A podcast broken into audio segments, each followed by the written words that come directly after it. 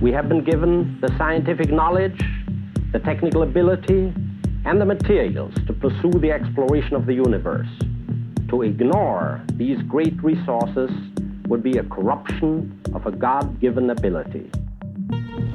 And liftoff of Artemis 1. We rise together back to the moon and beyond.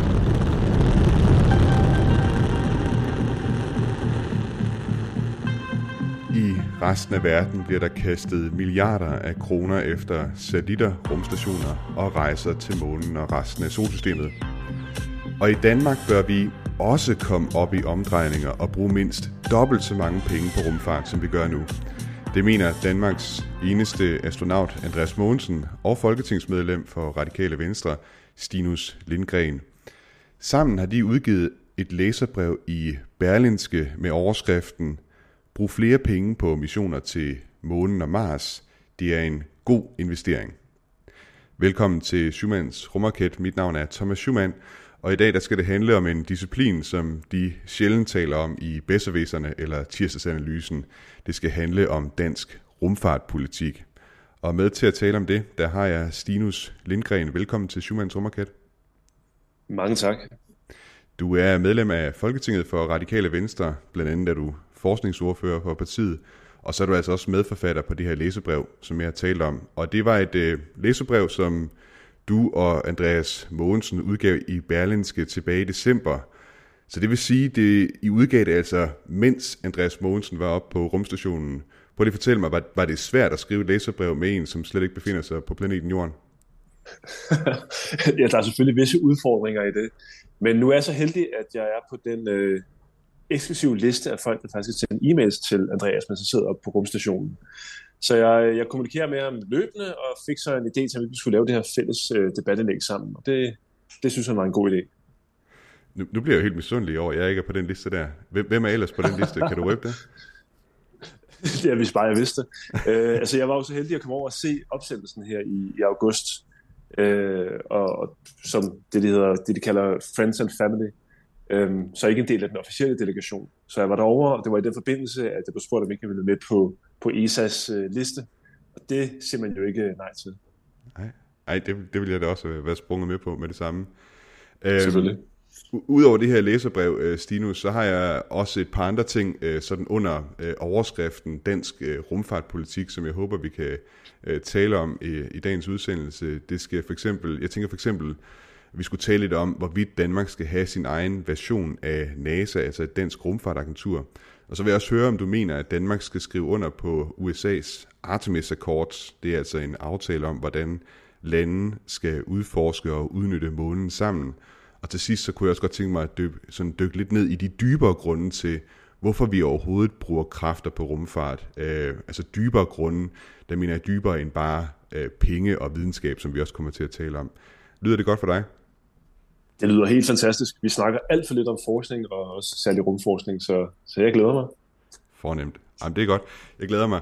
Øh, lad, lad os starte med det her læserbrev, som du og Andreas Mogensen har skrevet. I, øh, jeg prøver lige at opsummere sådan hovedtrækkende i det.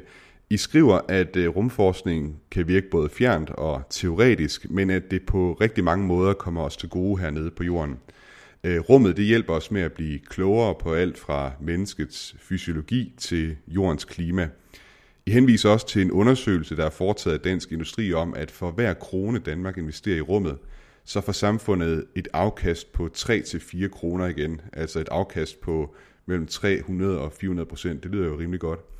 Øhm, og derfor så hilser du og Andreas Mogensen det er altså velkomment, at alle Folketingets partier for nylig har afsat ekstra 130 millioner kroner til Danmarks engagement i det europæiske rumagentur ESA. Og her er det lige øh, værd at vide for dem, som måske ikke er så dybt inde i materien omkring øh, rumfart, at man kan sige, nærmest samtlige danske rumaktiviteter, de sker i regi af, af ESA, altså under paraplyen det europæiske rumsamarbejde. Og derfor så er danske rumaktiviteter også meget afhængige af, hvor meget vi fra den side spytter i det her, øh, spytter i ESA. Men så skriver du og Andreas øh, Mogensen også i læserbrevet, at den faste danske bevilling til ESA, den burde faktisk være dobbelt så stor, som den er lige nu. Lige nu der er den på godt øh, 300 millioner kroner om året.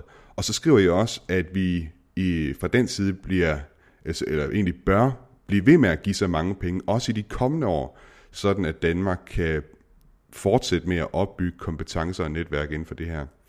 Er det sådan nogenlunde, øh, en nogenlunde opsummering, jeg har lavet her af, af hovedpointerne i læsebrevet? Er der noget, jeg mangler? Nej, jeg synes, det er en rimelig færre gengivelse af vores, øh, vores pointer. Fornemt.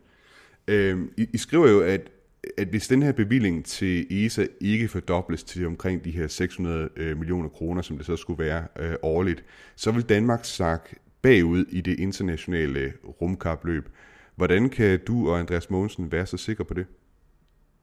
Ja, altså til lidt baggrund, så skal man jo vide, at øh, for at være med i ESA-samarbejdet, så er der en fast bevilling, man skal give for overhovedet at være, være medlem og have lov til at få et stemme ved, ved bordet. Den betaler vi. Derudover så kan man jo vælge at give ekstra til de frivillige øh, programmer, der kører. Øh, og det er jo selvfølgelig, det ligger i, i navnet frivilligt, noget man, man selv vurderer. Og det er der, at vi fra dansk side igennem en årrække ikke har givet øh, nævneværdigt til, til den del af det. Og det betyder, at når man ser på vores samlede bidrag, øh, hvis man ser det relativt til andre lande omkring os, øh, vi nævner også i, i vores indlæg her, øh, Norge og Tyskland for eksempel, så giver vi markant mindre per indbygger, end de gør. Norge og Tyskland, der ligger de på omkring 100 kroner per indbygger, og man er selvfølgelig nødt til at se det relativt, fordi landene er jo varierende størrelse. I Danmark, der gør vores bidrag selv med de her ekstra penge, der er givet, at vi giver omkring 60 kroner per indbygger. Det betyder jo i det interne spil, der er i ESA omkring, hvem der får lov til at gøre hvad, og hvem der har noget at skulle have sagt, der er vi jo bare nede på listen, fordi vi ikke giver så meget.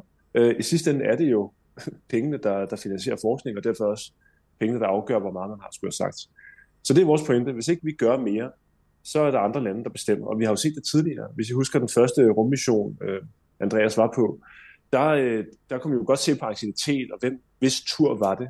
Men i sidste ende, så er det ikke kun, hvor længe man har været med, det er også, hvor meget giver man til samarbejdet, der afgør, hvem der bliver sendt op første gang. Og det, øh, det synes jeg, man skal have med i baghovedet, når man, når man snakker ETA. Prøv at forklare for øh, folk, som ikke nødvendigvis sådan følger alt for meget med i, i rumfart, øh, hvad er det for negative konsekvenser, øh, det vil have for Danmark, hvis vi sakker bagud i det internationale rumkapløb, som vi skriver? Jamen, der er jo masser af fascinerende forskning, der foregår øh, i rummet øh, og relateret til ESA. Øh, og der er programmer der, som vi ikke har mulighed for at øh, blive en part af, fordi vi ikke giver nok til at have noget at skulle have sagt omkring de frivillige øh, projekter, der kører. Øh, og det betyder, at vi går glip af, af spændende forskning, af gode investeringer, af ny viden, men også af potentielle erhvervseventyr. Det er også det, du var inde på tidligere. Det her er jo ikke bare penge, vi, vi hælder ud af vinduet. Det er penge, der gør os klogere, det kan vi komme tilbage til senere, men det er også penge, der faktisk har et enormt afkast, fordi rumforskning øh, og, og relaterede øh, industrier og virksomheder er en virkelig god forretning. Øh, vi kan se, som du nævnte her, at hver eneste gang vi bruger en krone på, på rumforskning, så er der igennem erhvervsliv og industrier osv., så får vi et, et mere indkast øh, øh, i, i den danske økonomi på en, en 3-4 kroner. Og det er altså ret pænt at få det afkast på en investering i forskning. Så kan jeg ikke lade være med at tænke på, øh, Stinus, med alle de her gode grunde til, at man skulle investere mere i rummet. Hvorfor er det så, at øh, danske politikere ikke har gjort det noget før, hvis der er så, gode, øh, hvad skal man sige, så godt et afkast, og det gør noget godt for videnskaben osv.? Kan du forklare mig det? Hvorfor, hvorfor har man ikke fået øjnene op for det inde i Folketinget? Det er et vanvittigt godt spørgsmål. Altså, da jeg blev valgt tilbage i 19 og blev forskningsordfører, og det mest fantastiske er, når du er forskningsordfører, så er du også ordfører for det ydre rum. Så det vil jo sige, at jeg har jo det største ressortområde af nogen ordfører i den gruppe, og det er jo helt fantastisk. Men øh, det, det er noget af det første, jeg tog op der over i ministeriet, det var det her, altså jeg har altid været fascineret af forskning generelt, men også rumforskning, selvom det ligger lidt uden for mit, mit eget felt. Hvor jeg så spurgte ind til netop ESA-samarbejdet, altså hvorfor er det egentlig, at vi ikke engagerer os mere? Vi havde jo også på det tidspunkt en dansk astronaut. Øh, den her øh, der er på nu, altså ikke planlagt dengang. Øh, så jeg har spurgt hvert år, flere gange ministeren, skiftende minister er det jo så, øh, om ikke man skulle gøre noget mere. Og har altid, øh, altid fået det helt brættet, og det var ikke det, man skulle bruge penge på. Der, altså interessen har ikke været der, jeg tror, det, det bunder i, at, at rigtig mange ikke kan se relevansen i rumforskning, og har den der idé om, at det er et eller andet, som vi også skriver, et eller andet fjern, diffust, lidt sjovt noget, men ikke noget, der har nogen reel betydning for os hernede, hvilket jo er fuldstændig forkert. Så jeg tror, det er det, der mangler. Øhm, I sidste ende kan man så se her, nu har vi jo så været så heldig at få Andreas Mogensen sendt igen, afsted igen til, til ISS.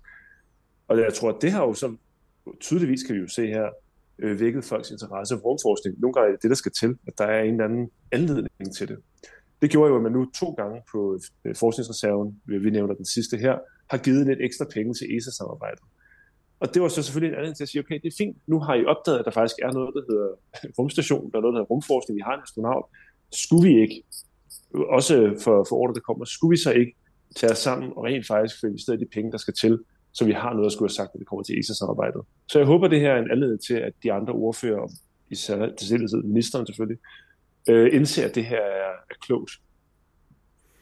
Det her, du nævner med, at øh, man måske fra politisk side tit har det med at, at betragte rummet som noget, der er lidt fjernt og, og uhåndgribeligt for en, for en politiker måske.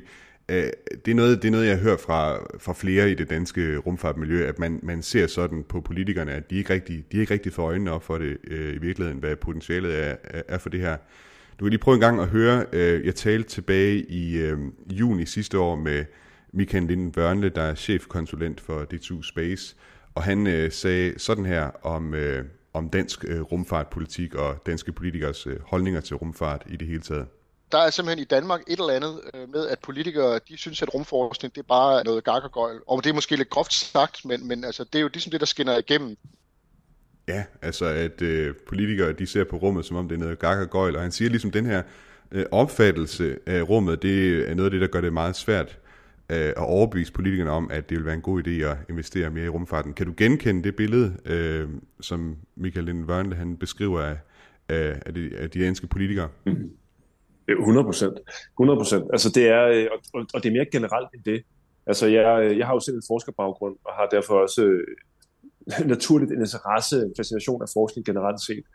Øh, og, og noget af det, det er blevet bedre ved at sige, men noget af det, jeg opdagede i starten som ordfører på området, det er, at de fleste andre har ikke den der, og det er måske meget klart, fordi vi jo ikke er som forskere, forståelse af, at forskning tager tid. At det ikke er noget, hvor du giver nogle penge nu, og så har du en eller anden afkast i morgen. Det er en lang proces. Nogle gange så får vi ikke det at vide, som vi troede. Nogle gange virker det ikke. Det er sådan, forskning er. Altså, vi har jo ikke svar. Det er ligesom hele præmissen. Øh, og det der med at have det lange lys på, det er bare ikke altid det, øh, der, der fungerer i politik, fordi der er, for nogens vedkommende i hvert fald, har man ofte et lidt kortere perspektiv, fordi der er noget, man skal genvælges. Man skal gerne kunne vise en eller anden konkret ting, man har været med til at vedtage. Og der kan det være lidt mere vanskeligt at sige, jamen jeg har givet øh, x 100 millioner til det her forskningsprojekt, som måske om 10-20 år gør os klogere på et eller andet. Øh, det har ikke den samme klang, i hvert fald ikke hos, hos alle vælgergrupper, så hvis det er det eneste fokus, du har, så kan jeg godt forstå, at man ikke rigtig øh, hvad kan man sige, gør så meget ved, ved det her område. Jeg har så bare en anden tilgang til det, altså fordi udover at det bare er vigtigt og fascinerende, forskning generelt og rumforskning i særdeleshed, jamen, så er det jo også det, vi skal leve af. Altså vi har ikke guld og olie i undergrunden, men vi har gode hoveder og gode idéer og innovative måder at tænke på. Det skal vi investere i, øh, også for at vi kan løse alle de konflikter og alle de udfordringer, vi står overfor. I, I, I skriver jo også i læserbrevet, at uh, særligt de næste tre år kommer til at blive, øh, blive vigtige for altså det engagement, Danmark ligger i det europæiske rumfartsamarbejde. Kan du prøve at beskrive, hvad er det, der er på spil her i de kommende år, og hvor travlt har vi i Danmark med at komme op i omdrejninger inden for rumområdet? Ja, jamen, altså, vi har, vi har travlt. Det, det er jo sådan med, med ESA-samarbejdet, at man, man laver aftaler for tre år i gang. Og det vil sige, at hvis du skal have det fulde udbytte af din investering, så skal du, når man går i gang med et nyt rul, have, have ligesom investeret det, du vil og ligesom sagt, det her, det her, hvor vi står, det er det, vi er villige til at bruge på området. Fordi så har man en plads øh, ved bordet fra start af, og kan være med til at forme, hvad der skal ske, og få, få en, en, en andel af de projekter, der kommer. Øh, og det skal vi til at tage hul på lige om lidt. Øh, her i slutningen af året skal vi til at diskutere præcis det. Og det vil jo sige, at hvis man mener, det er alvorligt, at rumforskning er vigtigt, og at vi skal, vi skal udnytte den position, vi er i lige nu, hvor vi jo har en ekstremt dygtig og øh, profileret astronaut sendt op på rumstationen. Altså han er kommandør. Det er jo, jeg ved ikke, om alle har forstået, hvor stort det faktisk er. At det er en dansker, der har kommandoen over den internationale rumstation, og er en vanvittig god øh, ambassadør for videnskab. Det skal vi da klart bruge alt, hvad vi kan, så vi står bedst muligt rustet her i slutningen af året, øh, og kan, kan spille med ved, ved ESA's øh, forhandlinger. Derfor er det vigtigt, fordi det er nu, vi skal tage beslutninger om at, at øge vores bevilling til ESA, så vi har øh, samme niveau som øh, vores nabolande. Øh, en ting er jo de penge, som vi fra den side kan spytte i det europæiske øh, rumsamarbejde. Men en anden ting er også øh, sådan de strukturelle øh, øh, ting i Danmark, altså hvordan det overhovedet er organiseret rumområdet øh, i Danmark, og hvor vi jo også kan kigge til, til landene omkring os og, og for eksempel konstatere, at der ikke er i Danmark noget, i Danmark noget rumagentur, sådan som man har mange andre steder. I Sverige der har man en, en rumstyrelse, som altså er en særskilt ja, altså styrelse, som, som står for alt for det, der hedder, det hedder rum, øh, rumarbejde. Og det var også noget af det, jeg talte med Michael Linden Børnle om dengang tilbage i øh, juni sidste år. Lad os lige prøve at høre et øh, klip mere med ham, hvor han også taler om øh, netop nødvendigheden for et øh, dansk øh, rumagentur.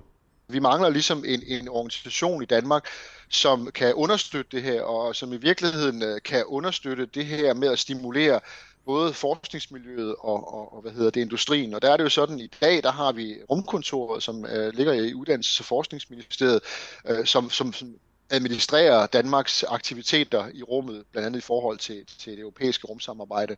Og med et nationalt dansk rumagentur, som alle andre lande, vi kan sammenligne os med, jo har, øh, vil jo være en, en, en, en grundlæggende forudsætning for at drive det her frem. Øh, fordi man kan sige, det er jo på nuværende tidspunkt øh, al respekt for det arbejde, der bliver gjort i Uddannelses- og Forskningsministeriet og Rumkontoret, men, men, men altså, det handler jo mere om administration, det handler jo ikke om udvikling i den forstand, øh, og, og, og det med at have et agentur, der så også kunne sørge for, at der vil være noget mere synergi mellem forskellige ministerier og forskellige ressortområder, altså øh, Erhvervsministeriet, netop bare for at nævne et sted. Altså for det her kunne være, der er et enormt uforløst vækstpotentiale i forhold til dansk øh, industri inden for rumområdet, som kunne give rigtig, rigtig, rigtig mange penge i øh, statskassen. Så med de her ord fra Michael Linden Wørnle fra DTU Space, øh, går I så fra radikale venstres øh, side ind for oprettelsen af en øh, dansk øh, rumstyrelse? Mm. Jamen, han peger jo på noget fuldstændig centralt. Altså, øh, al forskning tager tid, men det, der er lidt specielt ved, ved rumforskning, det er, at det er meget dyrt. Altså, det er store projekter. Øh, det er projekter, der tager meget lang tid, og det er stort set altid projekter, som har et bred, øh, kan man sige, international karakter, altså samarbejde på tværs. Øh, og det er det jo, fordi det er, især hvis du skal have sendt mennesker ud i rummet, ekstremt vigtigt, at det er sikkert, og at man har styr på alle detaljer, og det giver sig selv. Altså, det, det skal ikke gå meget galt, før det går rigtig galt. Øhm, og derfor er det også vigtigt, at det ikke er den enkelte lille forskningsgruppe, øh, eller enkelte lille forsker, der skal kæmpe for sin sag i ESA eller NASA-regi. Man er nødt til at have nogen i ryggen, som siger, hey, vi er fra dansk side villige til at investere i det her område. Så ja, om vi skal kalde det et agentur eller en styrelse, eller hvad, det er ikke så vigtigt, men at der er et sted, som siger, at vi er fra dansk side, øh, statslig side, bakker vi op om det her, og vi er villige til at, øh, at støtte vores, vores forskere eller vores virksomheder. Øh, det tror jeg vil være en kæmpe styrke, og jeg synes, det er en fejl, man ikke har gjort det for længst. Og igen, som jeg sagde før, nu har vi jo, er det klar over, en astronaut et sted, og jeg håber, at det ligesom er en åbning til, at man er lidt mere bevidst om, at rumforskning er vigtigt. Øh, og det er noget, som alle lande engagerer sig i, fordi det betyder så utrolig meget. Der kommer til at ske så meget i fremtiden på det her område, at vi selvfølgelig skal være med. Men det er jo meget sigende.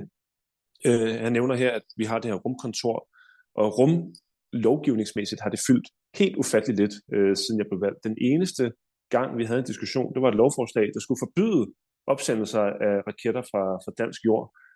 Øh, og jeg tror lidt, det var ting som, at det skal selvfølgelig bare forbydes, fordi det er farligt, det kan falde ned ud på folk, og det er vi selvfølgelig alle sammen enige om, det skal de ikke gøre. Men jeg engagerede mig ret meget i det lovforslag, det endte med at blive taget af bordet igen, og jeg tror ikke, man havde forventet, at der var nogen, der rigtig tog det alvorligt, fordi det var bare rumforskning, det er sådan lidt noget mærkeligt noget.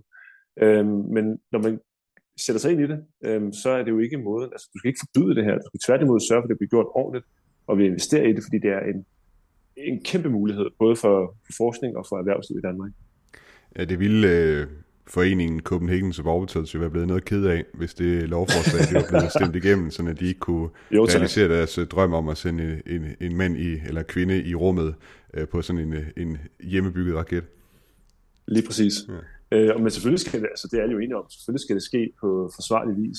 Men det der med bare at forbyde noget, fordi det er svært, det er jo ikke sådan, vi har, har bragt menneskeheden fremad her i verden. I forhold til en, en rumstyrelse, har du så hørt noget om, om der skulle være noget på vej, eller noget i støbeskeen, om det er noget, man på nogen måde har taget tilløb til øh, fra, fra politisk side? Ikke noget, vi bliver orienteret om, nej. Øhm, det, som sagt, rum er ikke noget, der fylder meget. Vi havde diskussion omkring det her bidrag til ESA, men ellers så, så nej, det er ikke noget, vi har diskuteret. Øh, vi har bedt om, at vi snart får en drøftelse af, af ESA-samarbejdet, og netop, øh, som vi skriver, øh, om ikke man skulle gøre noget mere og få et, et bedre hvad kan man sige, faktuelt grundlag for, hvad er det, vi giver, hvad er betydningen af det, og hvad vil der ske, hvis vi, vi opskalerede. Men, men det er ikke noget, der sådan, øh, fylder meget på regeringens dagsorden, øh, og derfor er der ikke noget, vi bliver orienteret om. Nej. Mm-hmm. I øh, læserbrevet, der ligger I også op til, at det er vigtigt, at Danmark sidder med ved bordet, når der over de næste år sendes missioner til både månen og Mars. Det er jo først og fremmest amerikanerne, som lige nu arbejder øh, benhårdt på at få sendt øh, bemandede og ubemandede missioner til månen under deres øh, Artemis måneprogram. Og som led i øh, det program, så har man også udarbejdet fra amerikansk side et øh, sæt fælles spilleregler for, hvordan lande bør omgås hinanden, når et, med, hvad skal man sige, der er flere lande, der på en gang sender øh, forskellige missioner til månen, som både skal lave udforskning og udnyttelse af månens ressourcer. Og det her sæt spilleregler, det hedder Artemis Accord, Accords. Hvis man skriver under på dem, så forpligter man sig blandt andet på at være transparent og åben om det, man foretager sig på månen. Og så skriver man også under på, at udvinding af ressourcer fra månen er en vigtig del af udforskningen af rummet. Indtil videre så er der 33 lande, der har skrevet under, heriblandt Tyskland, Island, Storbritannien og Frankrig. Men Danmark har endnu ikke skrevet under, og det er på trods af, at øh, NASA's administrator Bill Nelson, han ellers gav en strålende opfordring til, at Danmark øh, skulle skrive under, da jeg tilbage i 2022 spurgte ham, hvorfor et land som Danmark burde skrive under på øh, Artemis Accords. Vi kan lige prøve at høre, hvad han sagde øh, dengang. Denmark, the home of my ancestors. Um, well, first of all, space is the place. Space is where it's happening now. Space is where so many of the new creations and inventions are occurring. Look at the space economy, and what does that mean? That means jobs. That means gross national product. That means scientific advancement. Uh, that means breaking through the barriers that means helping us solve our earthly problems, like the earth is heating up. Uh, but on top of that, think what space does for children. You want to know the value of space and your participation, uh, the citizens of Denmark, in space? Go talk to any of your school kids talk to them about space and watch how their interest is suddenly focused. Jeg må indrømme, at jeg valgt at tage det her klip med, øh, fordi jeg er ret vild med den passion, som øh, Bill Nelson han altså taler øh, om rummet med. Mm. Det er ret smittende. Med den her opfordring fra selveste NASA's administrator Stinus Lindgren, går radikale venstre så ind for, at Danmark skriver under på Artemis Accords? Selv uden hans hans tale, så ja, altså jeg, jeg, jeg er enig med dig. Man bliver jo helt, helt høj af at høre på det her, og det er også så fascinerende. Ligesom det lydklip, du spillede i starten, hvor man kan høre raketten, at man får nærmest gåsehud af det, ikke? Det er jo så, det er jo så vildt. Øhm, men ja, øh, jeg synes jo, de missioner, der er planlagt nu her, med bemandede øh, missioner til månen, for første gang i alt for lang tid. Altså, det er jo helt vildt. Altså, jeg har levet hele mit liv, uden at der har været et menneske på månen. Det er jo det er vildt at forestille sig, at det har været over så kort en periode, man gjorde det, så man bare op og har ikke været afsted siden. Mm. Og, og de muligheder, det åbner for at gå videre og rejse til, til Mars, det er jo så fascinerende. Altså, det er jo helt ustyrligt fascinerende, at man overhovedet kan tænke tanken, at det her det er faktisk noget, vi realistisk kan gøre. Og selvfølgelig skal Danmark være med i det. Altså, jeg kan ikke forstå, hvordan man ikke skal være med i det. Så øh, jeg håber da, at det er en forglemmelse, at man endnu ikke har, har skrevet under øh, på de her akkord, så vi kan være med i Artemis-programmet, fordi det skal vi da. Jeg vil sige nu, øh, politikere, de kan jo godt lide øh, typisk sådan nogle øh, særlige photo-ops og nogle særlige situationer, hvor man kan se godt ud for pressen, og jeg har simpelthen en, en oplagt mulighed her øh, for jer, for, netop fordi, som øh, man kunne høre på Bill Nelson der i, i starten af klippet, han har jo rødder i Danmark, altså hans øh, forfædre kommer simpelthen fra Haderslev, så der var jo en oplagt mulighed for at invitere ham til Haderslev, og så skrive under på de der Artemis Accords øh, der, med noget sønderjyske kaffebord eller sådan noget i den stil. Altså, det kunne være smukt. Altså, det, det vil jeg straks sige videre til ministeren. Det er jo desværre ikke mig, men det er ministeren, der skal skrive under på, på, på vegne af Danmark. Så det, det vil jo helt oplagt. Det, det, det synes jeg kunne være fint, hvis den opfordring den, øh, kunne komme videre i hvert fald. Øhm, det lover jeg. Ja. Vi, vi har talt meget om i dag, altså hvordan rummet kan være med til at hjælpe os, både i forhold til videnskab, og så også med til at, at fremme erhvervslivet. Og det er jo sådan nogle af de klassiske argumenter, man hører, øh, når man sådan øh, lytter til rumfartpolitik, eller drøftelse af rummet i det hele taget, for at argumentere for, at vi skal bruge flere penge på rumfart. Men øh, jeg blev for nylig gjort opmærksom på, at de her årsager, altså når man nævner øh, altså videnskab og erhvervsliv, økonomi, sikkerhed for så vidt også, øh, det kan faktisk være problematiske argumenter at fremføre. Øh, det fandt jeg ud af, da jeg talte med Casey Dreyer, der er chef for rumfartpolitik hos den amerikanske forening øh, Planetary Society. Ham talte jeg med i sidste uge. Og han gjorde mig altså opmærksom på en tale, som NASA's tidligere administrator Michael Griffin holdt tilbage i 2007, hvor han talte om uh, sådan generelt de grunde, man lægger til, uh, eller de argumenter, man typisk har for at, at bruge penge på rumfart. Og der talte han om såkaldte acceptable grunde og oprigtige grunde til at tage i rummet. Altså på engelsk, acceptable reasons og real reasons. Vi kan lige høre det mit sidste klip her for i dag. Uh, et, et klip fra det interview, jeg lavede med, med Casey Dreyer, Øh, og i klippet, når han taler om he, altså når han refererer til en person he, så er det altså den tidligere NASA-administrator, han øh, refererer til øh, her. Vi kan lige prøve at høre øh, klippet her engang. Our modern society has cordoned off certain types of arguments as being acceptable or not, uh, particularly in policy spheres and in government and bureaucracies, basically. You need to have this connection to practicality – to relevancy to you have something quantifiable really scientific exploration and economic development and global uh, engagement.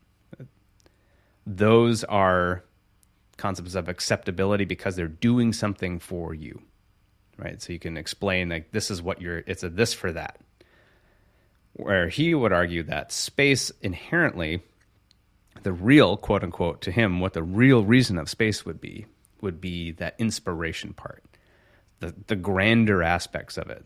The you know for the, everyone who did watch Neil Armstrong walk on the moon, you do space for that feeling that they made an entire world have at the same time, right? Of hope, of optimism.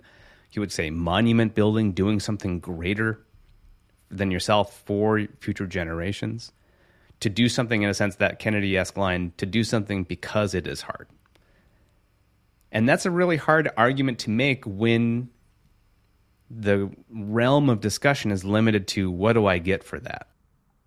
Det var altså et øh, klip her fra min seneste podcast, øh, hvor det handlede om, om Trumps øh, grunde til, at Trump i det hele taget øh, søsatte Artemis-måneprogrammet øh, her.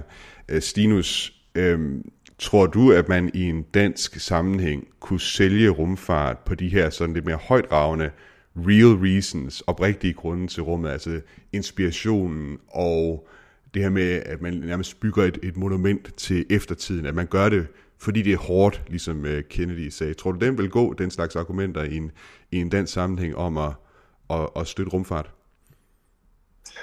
Jeg tror ikke, det vil gå alene. Øh, jeg, altså, jeg er fuldstændig enig med det, der bliver sagt her. Vi har også diskussionen generelt, når vi snakker øh, forskning herhjemme, hvor vi har øh, den frie forskning, og vi har grundforskning, og så har vi den strategiske forskning, som det hedder. Og jeg argumenterer altid for, at ja, selvfølgelig skal vi investere i, i områder som for eksempel klima og den grønne omstilling, fordi vi ved, at vi har nogle udfordringer, som vi skal investere i der. Men jeg argumenterer også altid for, at viden i sig selv er en værdi. Og vi skal også give penge til den nysgerrighedsdrevne forskning. Altså den, eh, ham, der har, eller hende, der har fået en god idé og vil undersøge noget, som ikke nødvendigvis nu er her fører til en eller anden ny dims, vi kan sælge, men bare gør os klogere på os og vores plads i universet. Og der er jeg fuldstændig enig i, at, at rumforskning og rumfærd, altså at sende folk til ISS eller til månen, eller når det sker en dag til Mars, det er da i sig selv vanvittigt spændende og vanvittigt fascinerende. Jeg kan love dig, at vi sidder til skærmen, når den dag kommer bare fordi det er vildt, bare fordi vi kan, og så bliver vi klogere på noget, og, og det synes jeg i sig selv er vigtigt. Det var derfor, jeg selv gik i forskerretningen. Det var da, fordi jeg havde lyst til at forstå grundlæggende noget mere omkring mennesket og menneskets udvikling, og i, i mit tilfælde, hvordan vi befolkede verden og alt det her. Det, det er da i sig selv vigtigt. øh, synes jeg, og værd at investere i. Så jeg, jeg er fuldstændig på linje med det, der er sagt her, men man må også bare sige, fra et politisk synspunkt, og det er han jo også inde på, øh, Øh, så er det nogle gange nødvendigt at sige, det her er altså også en god investering. Det er noget, vi får penge tilbage fra, så derfor kan vi bruge flere penge på noget andet bagefter. Det, øh, de argumenter fylder altså meget øh, et sted som herinde på Christiansborg, det må jeg jo nok bare sige. Ja, det kan man sige, og så dog så har vi jo lige set øh, i, øh, i København, øh, hvordan der er blevet brugt, øh, hvad skal man sige, hvordan der i hvert fald er et område af, af det danske samfund, hvor der ikke rigtig er så mange, der sætter spørgsmålstegn ved, hvad skal man sige, det at bruge en del penge på det, der taler selvfølgelig om kongehuset, altså hvordan der er en enorm opbakning i Danmark øh, til kongehuset, som vi så her med, med proklamationen af, af kong Frederik, ikke? Øhm, altså der er jo også noget der med, med, med altså der har vi jo alligevel en del af, af samfundet, som du ved, som folk har en forståelse af, det er noget, der er med til at samle os på en måde, og det er en sådan slags levende monument, kan man sige, øh, der, der lever i, i vores samfund. Jeg ved ikke, om man kunne på en eller anden måde, øh, hvad skal man sige, prøve at argumentere for rumfart på samme måde. Jeg ved ikke, om det vil gå. Ja. det er en meget god sammenligning. øh, fordi jeg havde diskussionen for ikke så længe siden. Øh, jeg er selv republikaner, altså det er nogle fine folk, og det der, synes, isolationen er fjollet. Ja. Altså det er jo bare noget, vi leger, det der kongehus. Ikke? Øh, Øh, og der var en, der sagde til mig, jamen øh, nu er det jo ikke alting, der skal være rationelt, og øh, der, der må også godt være noget, der er, er, der er bare fordi, det skal være der. Og det er jo samme argument som det her, at sige, jamen hvorfor skal vi sende øh, folk til Mars? Jamen fordi vi kan. Øh, det er da argument nok i sig selv. jeg vil købe det. Øh, jeg tror bare, det er godt også at kunne sige, at bortset ud over det, at, at det bare er fantastisk at gøre, så er der faktisk også nogle andre gode grunde til at gøre det, som gør, at vi bliver klogere på for eksempel klimaforandringer, øh, på fysiologi, og på øh, erhvervslivet kan få nogle, nogle øh, investeringer, som giver flere penge tilbage til samfundet. Det er jo ikke enten eller, det, det må godt være begge dele. Så, så har jeg endnu et øh, forslag til, du kan tage med ind øh, på borgen, øh, Stinus, og det er, at vi, vi lægger de danske rumfartaktiviteter ind under kongehuset, så det bliver royale rumfartekspeditioner. Den tror jeg, den vil sælge. det kan være, men så får jeg jo nogle udfordringer, så skal jeg gå på kompromis med min holdning til kongehuset. Det, ja. det ved jeg ikke helt, hvad jeg synes om. Nej, det, hvad, hvad, hvad vil du så vælge? Jamen, den dag det kommer, så må jeg jo tage det øh, opgør med mig selv og ofre mine øh, republikanske øh, tendenser for en, en bedre sags tjeneste for at få folk til Mars, det ved jeg ikke. Mm. Men jeg, jeg tror mere på, at vi skal... Jeg, jeg synes faktisk, at din pointe er meget god øh, med at sige, at altså, vi, vi bruger jo penge på ting, som er... Øh, fordi folk bare har lyst til at bruge penge på, åbenbart på kongehuset og forgyldte kanaler og hvad det er. Så kan man jo også godt bruge penge på noget, som ikke nu og her øh, giver et afkast, men som bare fantastisk at gøre, fordi vi kan. Hmm. Jamen, det, er jo, det er det samme eksempel, han giver øh, Michael Griffin, nu var jeg lige at læse øh, den tale der, som øh, Casey Dreyer refererer til, og der, der snakker han også om altså middelalderens katedralbyggerier. Altså det var i virkeligheden noget af det samme, de lavede der, og at det havde jo, hvad skal man sige, det havde et religiøst aspekt, ikke også, men, øh, øh og det var, ligesom, det var ligesom den følelse, kan man sige, eller den, ja, det religiøse aspekt, der ligesom drev øh, værket, ikke? men det havde alle mulige former for for afkast også, og det er så det, han siger, Michael Griffin også, at altså, selvom du bruger de der oprigtige grunde, han taler om, ikke? altså det at være, gøre noget, der er storladende, eller gøre noget, fordi man, man vil være den bedste til det, ikke? altså jævnfør USA, der ligesom ville slå Sovjetunionen tilbage under øh, hvad hedder det, måne, hvad hedder det, månekapløbet i sin tid, ikke?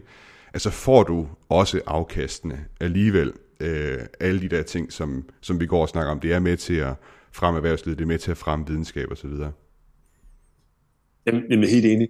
Og jeg tror også en anden øh, afledt effekt, og det kan vi jo også se bare øh, ved det, at vi har Andreas Mogensen, som jo er et fantastisk ambassadør og jo holder foredrag tit og ofte øh, op fra ISS for tiden. At den der øh, den fascination, som øh, vi to i hvert fald har af, af rumforskning, at give den videre til især øh, unge generationer. Så de siger, at det er, det er da vildt. Tænk, at vi kan sende en, øh, en mand ud i rummet, øh, når, når det bliver til månen og til Mars det kan jo tænde den interesse og den entusiasme, der skal til, for at de har lyst til at gå i en videnskabelig retning og søge ind på, på naturvidenskabelig uddannelse. Og derved er det med til at vi kan sige, have et bredere afkast i form af, af viden og uddannelse, og det er jo bare positivt. Hmm. Stinus, det, det har været en fornøjelse at tale øh, dansk rumfartpolitik rumfart øh, politik med dig, og det bliver nok ikke sidste gang, jeg hiver fat i dig, eller i hvert fald tager emnet rumfartpolitik op igen. Tak fordi du var med i, i Schumanns Rummarked i dag. Tusind tak for invitationen. Du er altid velkommen. Der bliver snakket alt for lidt om, om det her, så jeg, jeg er klart frisk på, på en omgang til. Vi prøver, eller jeg prøver her på min lille podcast i hvert fald at gøre det, en lille indsats for det. Endnu en gang tak. Så tak. Og tak til dig, fordi at du lyttede med til Schumanns uh, rumraket i dag. Hvis du synes, den her samtale var spændende, så vil jeg opfordre dig til at dele den med andre, som også kunne synes, det ville være spændende at lytte, uh, lytte til. Du må også meget gerne skrive en anmeldelse eller give podcasten alle de stjerner, som du synes, den fortjener. Jeg har også et nyhedsbrev, som du kan abonnere på. Det hedder også Schumanns rumraket og kan findes på øh, hjemmesiden Substack. Du kan også bare søge efter hjemmesiden schumannsrumraket.substack.com. Og ellers så kan du følge mig på Instagram, hvor jeg også hedder Schumanns Rumraket. Indtil næste gang, ad Astra.